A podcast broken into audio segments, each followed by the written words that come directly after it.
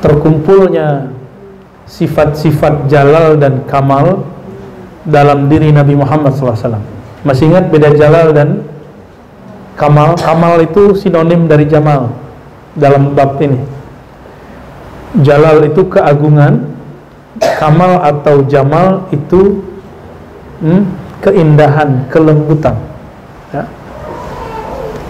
إذا كانت خلاص خصاص الكمال خصال الكمال والجلال ما ذكرناه apabila bagian-bagian dari kesempurnaan dan keagungan Nabi SAW sudah kita sebutkan pada bagian kajian sebelumnya wajadna al-wahida minna yashrufu biwahidatin minha aw isnain aw ittafaqat lahu fi kulli asrin imma min nasabin aw jamal aw quwwa aw ilm aw hilm aw shuja' aw suma hatta ya'zuma ya'zuma qadruhu ويضرب باسمه الأمثال ويتقرر بالوصف بذلك في القلوب أثرا وعظمة. وهو منذ عصور خوال ورمم بوال. فما ظنك بعظيم قدر من اجتمعت فيه كل هذه الخصال إلى ما لا يأخذه عد؟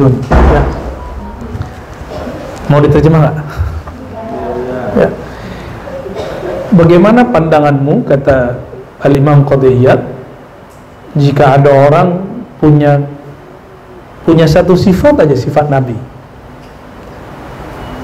Nggak usah jauh-jauh ambil nasab Nabi. Kita hormat gak sama Habib Sayyid? Hormat kita. Yang pasti ya yang jelas. Atau orang yang disebut keturunan Nabi wajahnya mirip dengan Nabi. Seperti Al-Habib uh, Ali Al-Jufri.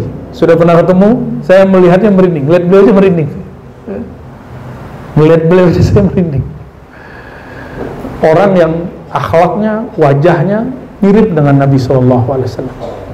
Al Habib. Coba Habib Habib rata-rata wajahnya luar biasa, bikin kita seneng lihat, benar nggak? Ya. Kalau wajah kita wajah embet, bukan wajah Habib. Enak aja dilihat wajah mereka itu, ya. Kecuali yang di dalam dirinya ada kebencian kepada istri-istri Rasulullah, kebencian kepada sahabat Nabi itu dapat dilihat dari wajahnya pembenci itu nggak bisa nggak bisa bohong ya yang bohong kan cuma mata bisa main mata ya.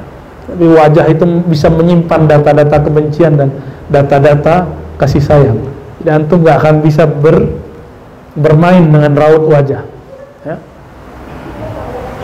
Ada orang punya keberanian keberaniannya mirip dengan keberanian Rasulullah. Kita pun takjub. Ada orang yang halim yang sifatnya lembut seperti halimnya Rasulullah. Itulah Al-Habib Umar beliau itu hatta lium saya dengar videonya atau ketemu beliau itu nggak ada ngomongin orang. Wala marrah. Kalaupun nyebutin kelompok Wahabi itu nyebutnya pakai sindiran. Ya. Tapi Wahabi nyebut beliau Dajjal coba lihat di videonya Al-Habib Omar Zuriat Nabi disebut Dajjal yang nyebut Wahabi ente kira siapa Wahabi ini? Hah? Siapa kira-kira yang nyebut Zuriat Nabi yang akhlaknya terpuji nggak pernah ngata-ngatain orang disebut Dajjal sama dia terus Mahdinya dia kayak gimana tuh? Mahdinya yang nyebut Habib Omar itu sebagai kita nggak tahu tuh. Betul ada Habib kasar kita tahu, ada Habib yang emosional, wajar dia manusia kok. Ya wajar. Mungkin si Habib itu dapat keberanian Rasulullah.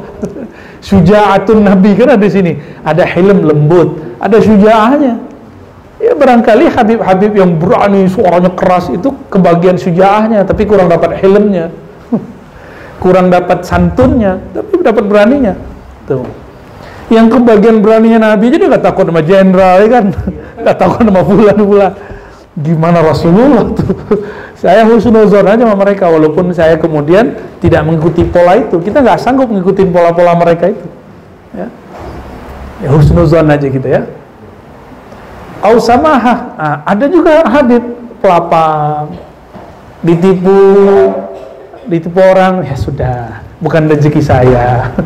Ketemu sama Habib KTP dia ama ama kartu keluarganya digunakan oleh kawan dekatnya lalu dijadiin untuk jaminan pinjaman Yang bayar siapa?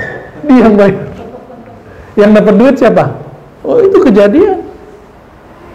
Dia ngomongnya mungkin bukan rezeki saya. Ya sudahlah. Aduh Habib begitu.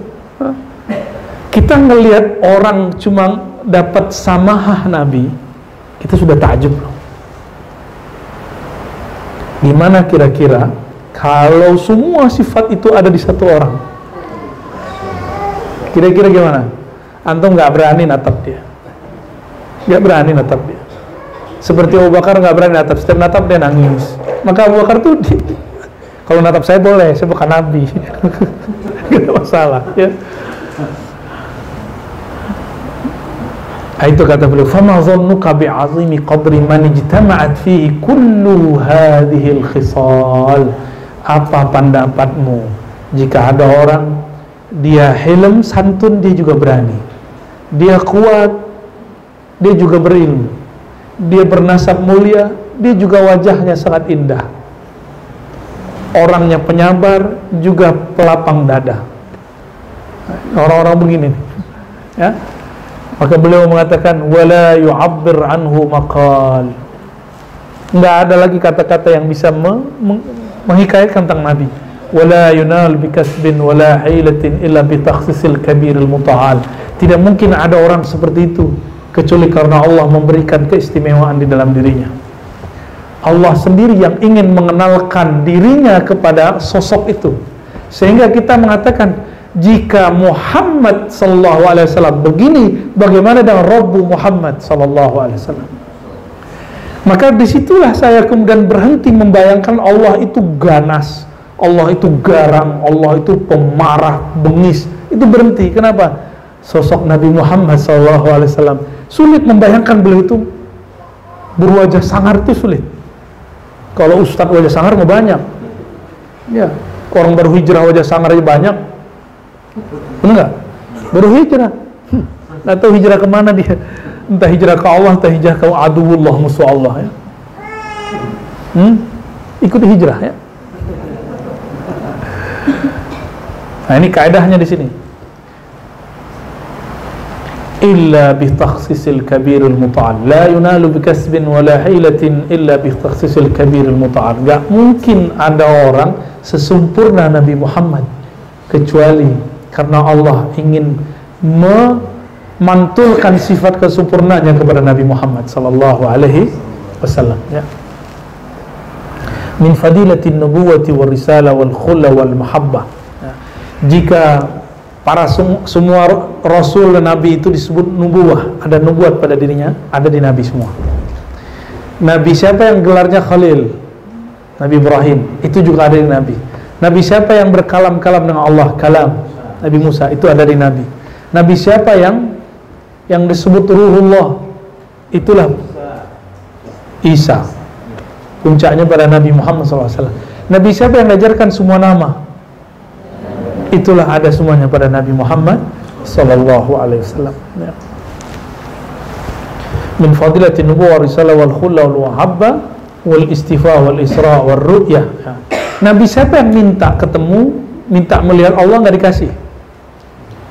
Cuma dikasih berbicara tapi tidak dikasih melihat. Nabi Musa. Sedangkan Nabi Muhammad diberikan melihat, diberikan juga bi bicara. Ya antum jangan bayangkan malaikat Jibril itu bisa nengok-nengok Tuhan gitu nggak bisa dia. Melihat Allah juga nggak bisa dia. Ya, yang bisa ketemu Allah cuma Nabi Muhammad. Di alam semesta hanya satu sosok yang bisa ketemu Nabi Muhammad. Yang ketemu Allah swt yaitu Nabi Muhammad SAW dan yang sanggup melihat Nabi dan dia tidak nangis tidak tidak bergem diam bisa itu cuma Sayyidina Ali. Sayyidina Abu Bakar tunduk Umar merinding Utsman malu. Sayyidina Ali sanggup sanggup pasang badan maka Nabi bilang babul ilm dia pintuku. Hebatnya para sahabat itu ya, ya wajar Sayyidina Ali saudara sepupunya juga mantunya. Sayyidina Utsman hanya mantu Sayyidina Umar, Sayyidina Abu Bakar hanya mertua. Uh, mertua sungkan nama mantu. Itulah Nabi Muhammad Shallallahu Alaihi Wasallam. Kalau antum gimana? Kebalik ya. Wajar ya kita bukan bukan Nabi. Ya. ya nah, ini ini sifat-sifat kenabian tapi ini langsung menjadi namanya sahibul apa mahabbah berarti habibullah khullah berarti khalilullah risalah berarti rasulullah isra berarti yang disebut nah, sahibul isra wal mi'raj. Wal ru'yah sahibul ru'yah yang boleh ketemu Allah cuma Nabi Muhammad SAW bayangin coba Nabi Muhammad sama sendal-sendalnya naik. Itu bahasa kasar begitu ya. Nabi Adam cuma ngelihat pancaran cahaya pingsan wajar dong Nabi Nabi Musa Nabi Musa bukan Nabi Adam ya. Nabi Musa wajar nggak mampu menjadi umat nggak mampu jadi Nabi umat Nabi Muhammad umat akhir zaman nggak akan sanggup. Ya. Nabi Nuh coba. Coba Nabi Nuh diusir di Taif. Nabi Nuh itu cuma diejek dibully kapalnya. Dirinya masih aman. Kapalnya di, ditaruh itu tinjaknya orang terus itu bahkan ada yang kurang ajar buang air kecil berdiri situ. Tembak. Pagi-pagi datang udah pesing udah bau lengkap semua. Tapi dirinya belum ada yang ngencingin. Dirinya belum ada yang ngelempar belum ada. Nggak ada yang ngelempar tinja ke Nabi nggak ada. Ke Nabi Nuh. Tapi Nabi Muhammad langsung dilemparin. Ya, antum bisa bayangin tuh. Nabi Nuh langsung doa, ya Rob. Tuh, seperti dulu para nabi berdoa, hancurkan mereka sehancur-hancurnya.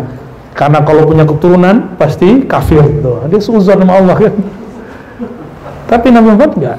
Ya Allah, jangan hancurkan mereka. Mereka tidak mengerti dan aku berdoa semoga keturunannya percaya kepadaku.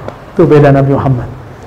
Ya, dia lebih tinggi Nabi Nuh atau Nabi Muhammad? ya, oh, jelas ya. Wal qurb dekat. Tadi saya sebutkan yang boleh bertemu Allah hanya Nabi Muhammad disebut ru'yah. Melihat dari jauh kita bisa lihat orang, tapi yang bisa dekat dengan orang itu siapa? Tentu orang-orang yang kenal dengan dia, kenal namanya, kenal sifatnya, kenal kebiasaannya. Itu kalau makhluk yang bisa memandang Nabi banyak tapi orang dekat Nabi tidak banyak ya orang dekat Nabi tidak banyak yang dekat kepada Rasulullah Sallallahu Alaihi Wasallam itulah orang yang juga dekat kepada Allah. Makanya solawat itu torekot jalan tol kepada Allah. Lebih dari tol kayak pesawat harusnya sehari setahun setahun tapi bisa dicapai dalam waktu beberapa jam kepada Rasulullah SAW itu langsung usul kepada Allah. Cukup tumbuhkan nama Muhammad dalam kolbumu maka kedekatannya akan turun kepadamu siapa yang dekat dengan nama Nabi Muhammad pasti dekat dengan nama Rabbu Muhammad sallallahu alaihi wasallam. Nawal qurb seberapa dekat Nabi Muhammad kepada Allah? Summa dana fatadalla fakana qaba qausaini au adna. Dekatnya seperti dua busur. Gimana dua busur? Dekat atau enggak? Dekatnya ini kita ini udah dua busur ini sudah. Dekat sekali bayangkan ada di majelis besar ya, majelis ya, pengajian umum di tengah lapangan terus ada orang yang bisa dekat ke bagian kiai di, di tengah di depan. Itu orang-orang siapa itu? Itu orang-orang spesial. Nah, Nabi Muhammad SAW satu-satunya yang diberi kedekatan kepada Allah Subhanahu wa taala. Disebut maqam qaba qausain. Tapi ada lafaz berikutnya. Sumadana fatadalla fakana qaba qausaini au adna. Au adna atau lebih dekat dari dua busur. Dekat yang tidak berjarak. Dekat tapi tidak ber jarak ini disebut maqam la maqam. Hal bila hal. Maqamun bila maqam. Maqam tapi tidak tahu lagi sebutannya apa. Inilah yang disebut Rabb Allahumma rabba hazihi da'wati tammah wassalatil qa'imah. Ati sayyidana Muhammadanil wasilah itu dia maqam qurb jadi qurb ini nama maqamnya wasilah ya? Nah, itu tambahan ulama itu. Wasyarafa wa darajatal aliyah, tambahan ulama. Yang dari hadisnya cuma ya saya ngikutin yang hadisnya aja. Tapi boleh pakai riwayat dari ulama. Seperti Allah anta salam saya lebih senang baca Allah anta salam minka salam tabarakta rabbana ya dzal jalali wal ikram. Tapi boleh kita tambahkan ya Allah anta salam minka salam ilaika yudus salam fahayyina rabbana bisalam boleh nggak apa-apa. Tawassul dengan nama Allah salam nah, tawassul dengan wasilah Nabi langsung dalam itu ya. Gimana lafaznya tadi wasilata wal fadila wasyarafata wa darajata al aliyah terus wa ba'athu maqaman mahmud alladhi wa'adta innaka itu baru ulama innaka la tukhliful jadi ya wasyarafa wa darajat al aliyah itu dari ulama. innaka la tukhliful mi'at dari ulama. Itu boleh. Itu bagian dari adab ya. Bukan bid'ah. wadunu nah, ini yang makom la makom wadunu kedekatan wal wahyu dan wahyu. Nah nabi itu yang wahyu itu artinya apa? Bisikan yang cepat. Jika sosoknya seorang nabi disebut wahyu nah, masuknya wahyu ke dalam kolbu nabi dijaga oleh Allah maksum. Nabi ketika menerjemahkan pasti benar. Tapi jika ada bisikan masuk ke dalam kolbu yang bukan nabi, bisikannya aja belum dijaga. Ya, bagaimana dengan penerjemahannya? Dan setiap hari ada ribuan bahkan bahasa ulama-ulama kita sab'una alf 70 ribu khatir turun ke alam semesta khatir itu bisikan-bisikan langit turun ke alam semesta dan yang benar cuma satu qalbu Sayyidina Muhammad SAW maka wali dapat ilham bisa salah. Wali dapat ilham bisa salah. Apalagi kita yang nggak jelas ini. Walinya wali apa ya kan? Antum wali apa ayo? Wali murid udah pasti ya. Hmm. wali masih bisa salah dapat khatir dapat bisikan. Gimana dengan kita-kita ini Ya syukur-syukur kalau kita ini wali. Kalau bukan wali. Maka khotir yang turun Khotir ini bisikan Lintasan yang masuk Lewat ke dalam kolbu. Kolbu yang bisa dijaga. Hanya kolbu yang di situ ada nur Nabi Muhammad Sallallahu alaihi wasallam. Ngikutin kepada yang di sana. Itulah sebabnya Kenapa orang yang berwirid Tapi tidak sholawat Halnya tidak sahih. Kejadian-kejadian rohaninya itu tidak sahih. Karena nggak ada stempel nama Nabi Muhammad di situ. Ya? Pasti ntar ada penampakan-penampakan.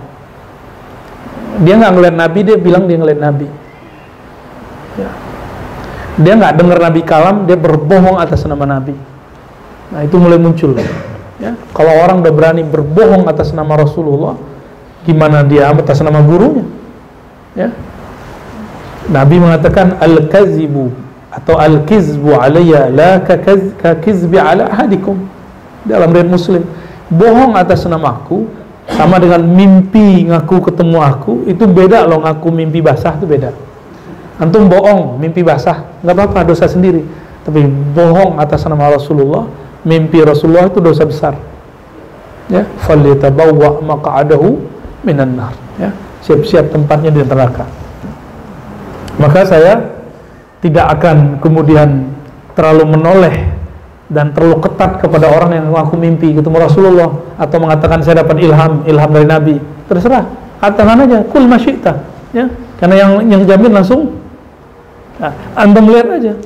Ketika dia bercerita begitu pasti ada nar dalam dirinya kalau bohong.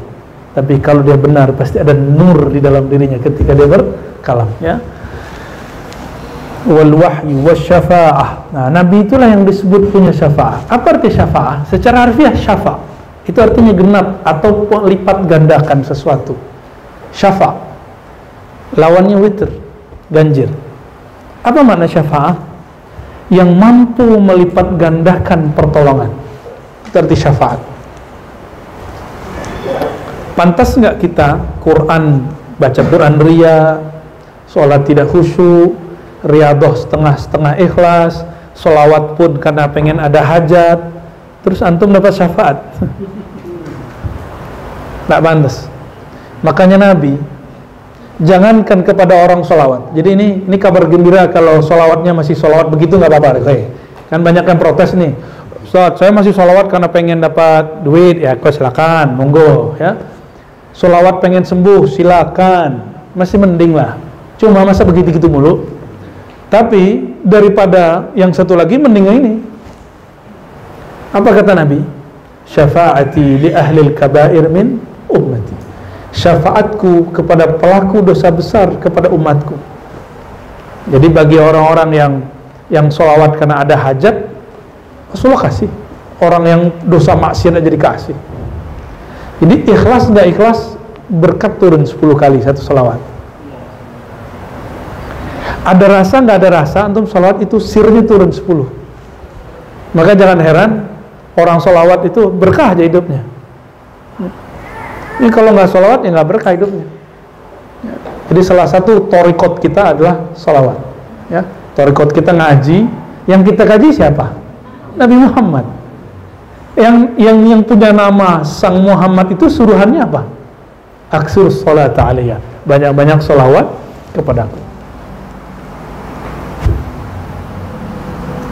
Wal wasilah. Tadi kita ya. Apa arti wasilah? Perantara Kenapa disebut wasilah? Ini berkaitan syafaat, wasilah, fadilah. Darajat rafi'ah, empat. Ya, lima malah.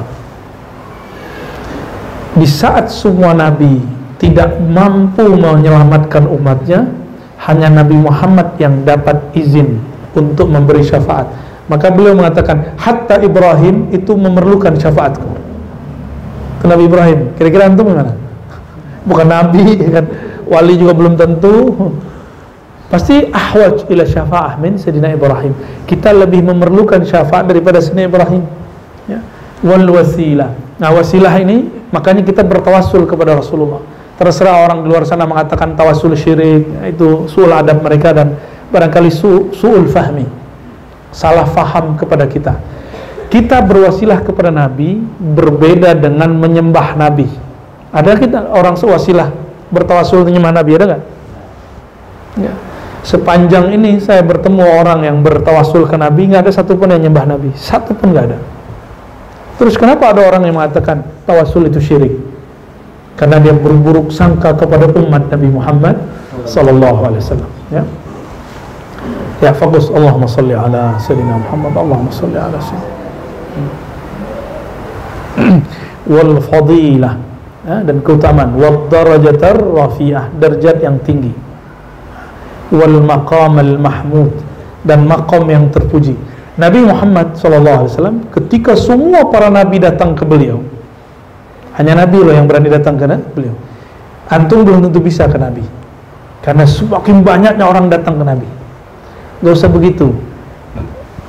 Ada kiai masyhur diundang di suatu majelis. Itu orang berebut mau salaman ke beliau aja nggak bisa. Berebut Nggak bisa. Itu baru manusia pengikut Nabi Muhammad. Gimana kira-kira Nabi Muhammad SAW? Rumit kan? Nanti di akhirat semuanya orang ingin ketemu Nabi dan yang dapat izin cuma para ambia. Dari ambia yang dapat izin cuma 313. Yang 311 yang paling dekat cuma 25. Yang 25 yang paling dekat cuma 5. Yang 5 pas ketemu ketemu dulu empat sahabat Nabi. Ya. Itu para nabi mau ketemu Rasulullah lewat empat sahabat Nabi dulu. Luar biasa kata itu hebatnya umat Nabi Muhammad Sallallahu Alaihi Wasallam. Nah, ini yang disebut al-maqam al-mahmud. Lalu Nabi Ibrahim Nabi Nuh semua Nabi-Nabi datang dan mengatakan wahai Rasulullah Muhammad ya isfa' lana. Nah ini para Nabi ngomong beri syafaat kami isfa' lana beri syafaat kami karena para nabi ini ingin bantu kaumnya. Kami nggak mampu membantu diri kami sendiri. Gimana mau bantu umat? Akhirnya Nabi Muhammad SAW sujud lalu diangkat oleh Allah yang disebut al-maqam al-mahmud. Dan dalam hadis Imam Muslim dikatakan, lalu aku membaca mahamidah pujian-pujian yang tidak pernah dibaca oleh seorang pun selainku. Berarti ada wirid, ada tasbih, ada tahmid, ada asma nama Allah yang hanya Rasulullah yang tahu yang lain nggak tahu ya Nah, ini yang disebut dalam hadis Imam Tirmizi. Ya, ada nama yang istasarta bihi ala nafsik yang engkau simpan di dalam dirimu. Berarti nama Allah banyak tuh, bukan hanya 99. Bukan hanya ke 100, enggak. Itu belum seberapa itu. Banyak nama Allah itu. Ya, kira-kira. Ya, banyak sekali nama Allah. Ini baru beberapa. Ini baru nama sifat Rasulullah. Nabi Muhammad disebut sahibul buraq yang mampu mengendalikan buraq. Jadi buraq ini masih ingat kisahnya?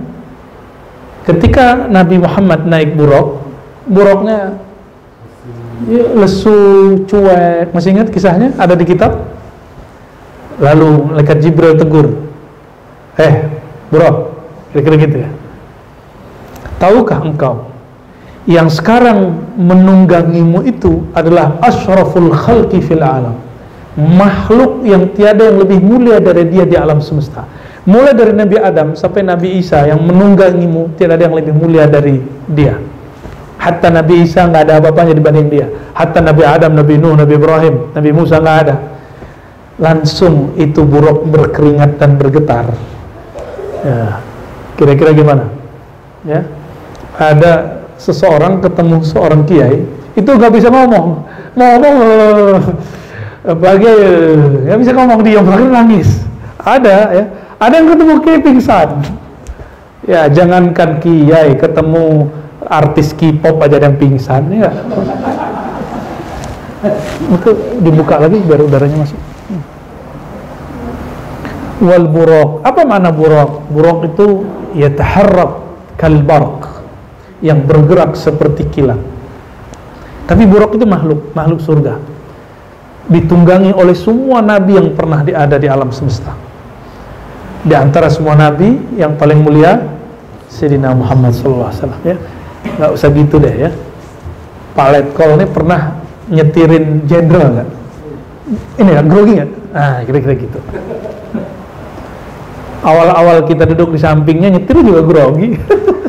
Padahal kita bukan jenderal, apalagi Rasulullah ya, Sallallahu Alaihi Wasallam.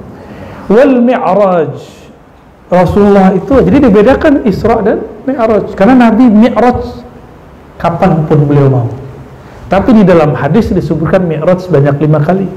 Tapi versi ahlul haqiqah Nabi yu'aruju ila rabbihi kaifa sya'a wa mata sya'a kapan pun dia mau.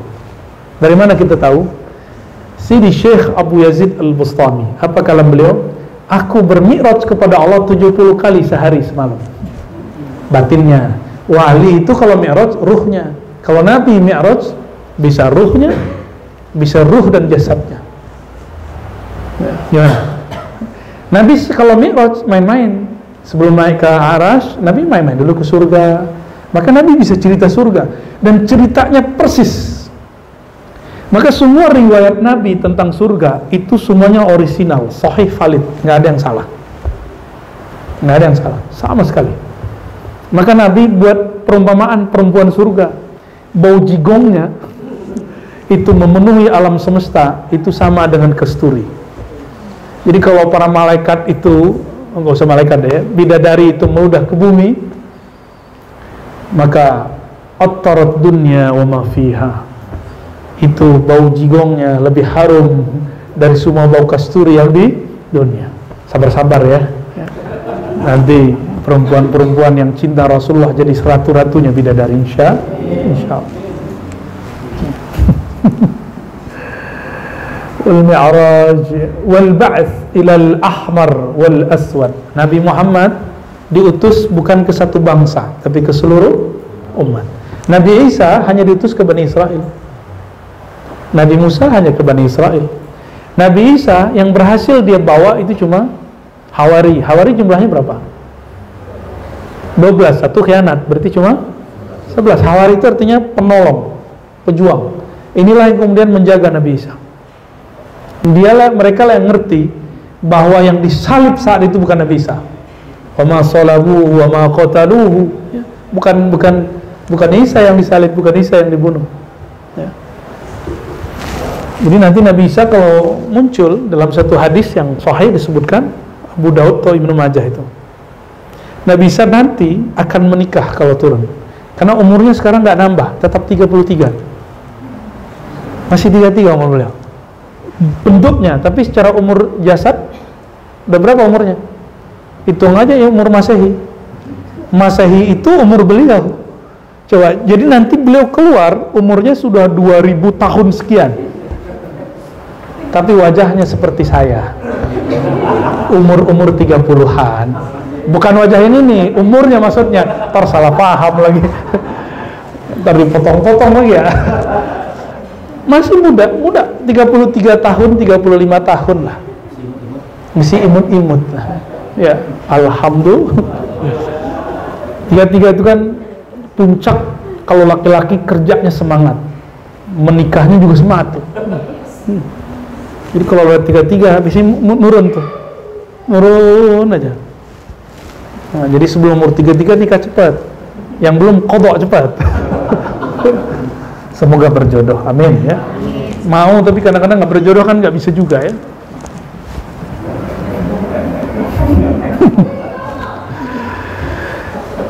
Bahkan Nabi Muhammad diutus ke semua makhluk bukan hanya manusia. Nabi Muhammad itu nabinya malaikat. Nabi Muhammad itu nabinya jin.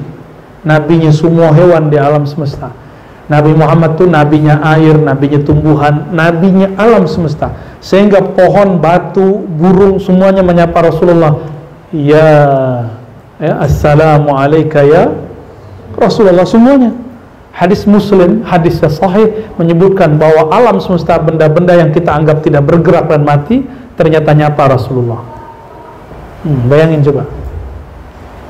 Jadi cuma hasil jinni wal ins hanya manusia dan jin yang kufar, yang kafir, yang tidak tahu kenal Nabi Muhammad SAW.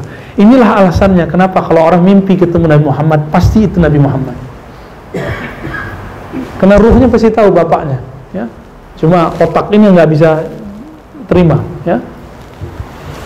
Maka sampai sekarang masih ada orang ngomong, masa dia mimpi ketemu Nabi, saya belum. Sejak kapan standar kebenaran dia ya? Wassalatu bil anbiya Beliaulah yang diberi mandat memimpin sholat para nabi. Bahkan jangankan itu, nanti Imam Mahdi dialah imamnya Nabi Isa. Ya. Kata Rasulullah, "Kaifa antum?" Al-Masih yanzil wal imam minkum.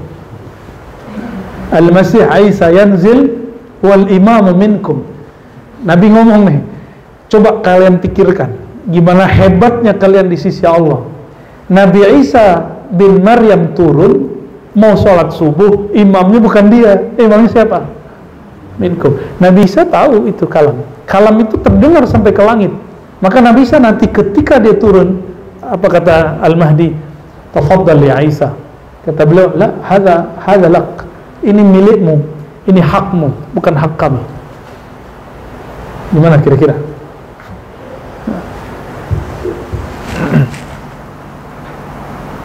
Suatu kali Sayyidina Abu Bakar Siddiq diminta oleh Bilal, "Ya Abu Bakar, karena tuannya dulu kan yang merdekakan beliau kan? Bilal. Bilal itu dimerdekakan Abu Bakar. Rasulullah sepertinya kelelahan atau ketiduran. Tolong pimpin kami sholat. Lalu dipimpinlah oleh Abu Bakar Siddiq. Tahu-tahu dia dengar ada Rasulullah masuk. Abu Bakar berani nggak di depan? Nggak berani, mundur Abu Bakar Para nabi bilang, hmm, hmm, hmm. Abu Bakar tak mundur. Ah, ini, ini ada satu kaidah. Al-adamu al-adabu muqaddam al-adabu muqaddam adab itu lebih dahulu. Alam tithalil am dulu daripada me, melakukan perintah. Nabi perintahin tetap di situ Abu Bakar. Pimpin umat Abu Bakar. Abu Bakar punya adab. Nggak mungkin Ibnu Abi Kuhafah si Abu Bakar berada di depan Nabi nunggingin Rasulullah nggak mungkin. Itu maksudnya. Nggak mungkin adab ini turun dilihat dulu oleh Ibnu Abbas. Maka Ibnu Abbas juga melakukan hal yang sama. Ternyata Abu Bakar itu selalu begitu kepada Rasulullah Sallallahu Alaihi Wasallam. Kira-kira Nabi Isa memandang Al-Mahdi siapa? Nah, itulah makna hadis. Ismuhu ismi. Isimnya Al-Mahdi isimku. Maka Sayyidina Aisyah melihat Al-Mahdi itu warasatu Muhammadin sallallahu alaihi wasallam kalau wali-wali ada warasa Isa, warasa Musa, warasa jadi pewaris Adam, pewaris nabi-nabi yang 124 ribu itulah. Kecuali satu wali bernama Al-Mahdi. Dirinya adalah pewaris Ahmad Muhammad. Makanya Nabi Isa nggak berani. Nggak berani di depan. Ya. dan nggak level seorang Nabi Muhammad. Itu bunuh Dajjal maka pewaris Nabi Muhammad nggak level bunuh Dajjal. Siapa yang bunuh Dajjal? Jika ada Al-Masih Isa ada Al-Masih Dajjal. Dajjal itu yang bunuh Nabi Isa. Karena Al-Masih Dajjal itu umat Bani Israel. Jadi yang bunuh dia nanti Nabi Bani Israel. Itu hebatnya. Itu walinya Nabi Muhammad. Nabi Muhammad punya pengikut wali namanya Al-Mahdi punya pengikut wali yang dia jabatannya dulu adalah seorang nabi. Nah, ini syaraf umat Nabi Muhammad. Jadi kemuliaan umat Nabi Muhammad walinya aja nabi. Yang kedua walinya nama dirinya nama Muhammad sallallahu alaihi wasallam ya. Wa syahadat bainal anbiya'i wal umam ya. Nabi Muhammad itu adalah yang memberi persaksian antara nabi dan seluruh umat. Nah, inilah makna miftahul jannah la ilaha illallah. Beliau datang kepada Abu Talib, "Ya ammi, qul la ilaha illallah akunu ya hujjatan laka yaday rabbi." Ya. Wahai amiku, wahai pamanku, katakanlah la ilaha illallah. Aku akan jadi hujjah, syahadah, persaksian di hadapan Tuhanmu. Jadi antum yang baca la ilaha illallah langsung dijamin Rasulullah sallallahu alaihi wasallam. Maka syahadat kita la ilaha illallah kita bukan untuk kebal. Tapi supaya kebal dari neraka itu baru benar. Kebal dari bacokan, tapi ntar masuk neraka kebakar ya. Enggak keren ya. Norak itu. Wal ba'ts ila al-ahmar wal aswad salat bil anbiya wa syahadat bil anbiya wal umam wa siyadati waladi Adam. Dan Nabi Muhammad lah yang disebut sayyid waladi Adam. Karena beliau darahnya Sayyid waladi Adam. Maka siapa pun yang punya darah Nabi berhak dapat lakop di depan namanya Sayyid. Walaupun dia masih kecil. Ya? Jadi kalau ada zuriat Nabi wajar disebut Sayyid Sidi. Sayyidati itu wajar. Ya? Nah, kita kita yang bukan jangan ngaku hatta antum kata orang tua. Dulu kita keturunan Nabi Muhammad. Kalau masih kata jangan. Karena dosa menisbatkan diri bukan kepada nasab kita itu bagian dari dosa besar. Yang aku aku sayyid sayyid syarif syarifah. Tapi belum pasti jangan coba-coba. Ya? Ukita bin nar. Hati-hati. Ikobnya nanti neraka. Habib Dodo marganya Ad-Dodoli. Al-Marga Satwa. Dia sendiri yang ngomong kok. Kita nanya marga ente apa Bib Dodol? Marga aneh marga Satwa katanya. Bukan kita yang ngomong lah ya. Nah ini hadisnya jelas ana sayyidu waladi Adam. Maka memanggil Rasulullah Sayyidina mau di dalam sholat di luar sholat sama. Antum lagi sholat masih Bani Adam nggak kecuali lagi jadi sholat antum jadi bani khinzir. Hmm? lagi sholat masih bani Adam nggak? Ana sayyidu waladi Adam wala fakhar. Bukan sombong bukan kultus. Hadis Bukhari hadis Muslim. Akulah sayyidnya manusia. Sayyid waladi Adam bani Adam maka sebenarnya nggak usah beda-bedakan mau sayyidina fis salah atau fi ghairis salah. Di luar salat sama aja. Kecuali dalam fikih ya orang beda nggak apa-apa. Cuma kalau versi ilmu hakikat begitu. Ngeri ya bahasa hakikat itu agak ngeri soalnya. Ini perkataan yang kita turunkan dari kalam Taqiyuddin Al-Husni ketika belum mengatakan setelah aku menyaksikan hakikat Nabi Muhammad Aku tidak berani mengatakan Muhammad kecuali katimannya Sayyidul Wujud. Nyebut nama Muhammad pun dia nggak berani kecuali Allahumma salli ala Sayyidul Wujud baru Muhammad. Imam Taqiyuddin Al-Husni pengarang kitab Kifayatul Akhyar, kitab fikih. Itu ahli fikihnya ngerti. Ya. Waliwa'il hamdi. Ya, perdebatan fikih nggak apa-apa, cuma kalau ada orang melarang, nah kita meragukan dia sebagai Bani Adam. Ya. Wal bisyarah, hamd. Apa arti? Bendera pujian. Jadi nanti orang-orang yang spesial yang akan tergabung ke dalam barisan di belakang Rasulullah itu di depannya Sayyidina Ali, para sahabat, ulama-ulama wali Allah mereka pegang bendera bendera liwaul hamdi dan puncaknya ada pada Rasulullah SAW liwaul hamd hamd apa arti hamd pujian. Yang terpuji siapa? Hmm? Ahmad. Muhammad. Muhammad artinya apa Muhammad? Yang terpuji. Yang terpuji Nabi Muhammad. Ya. Cuma supaya kita membedakan kita gantilah istilahnya dengan madah. Al madah alhamdulillah wal mahd wal mad wal madhuli sayyidina Muhammad sallallahu alaihi wasallam wal bisyarah wan nidharah ya wal makanah inda dzil arsh nah, yang boleh sholat paling puncak di atas aras tertinggi itu cuma Nabi Muhammad. Para nabi itu tidak boleh sampai lebih tinggi. Al Imam Ibnu Arabi itu menyebutkan bahwa ada belasan tingkatan aras yang nggak boleh kalau saya sebut nanti baca sendiri berapa. Ya. Ada belasan yang boleh ke tingkatan paling tinggi itu cuma Nabi Muhammad SAW. Para ambia di bawahnya, para sahabat dan aulia di bawahnya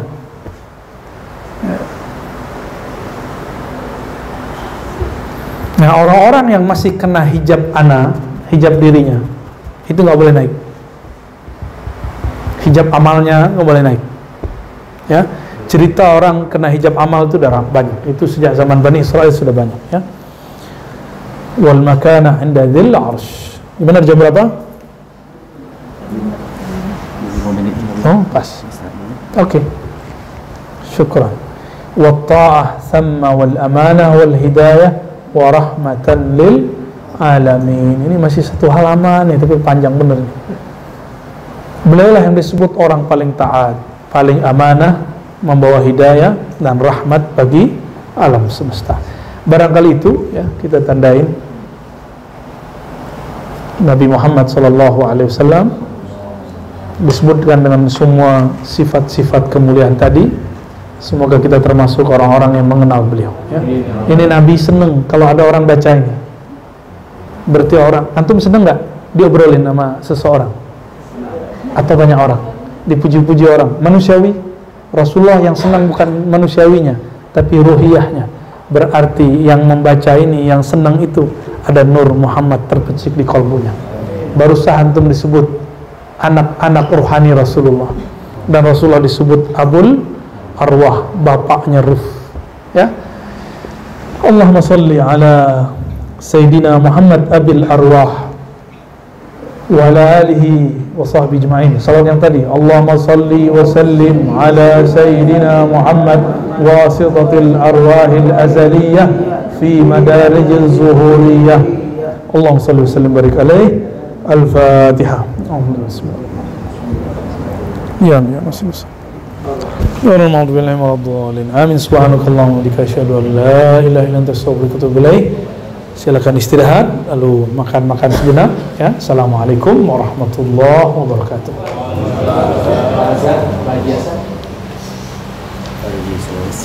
hmm ya ya silakan silakan Kita duduk-duduk di luar itulah ya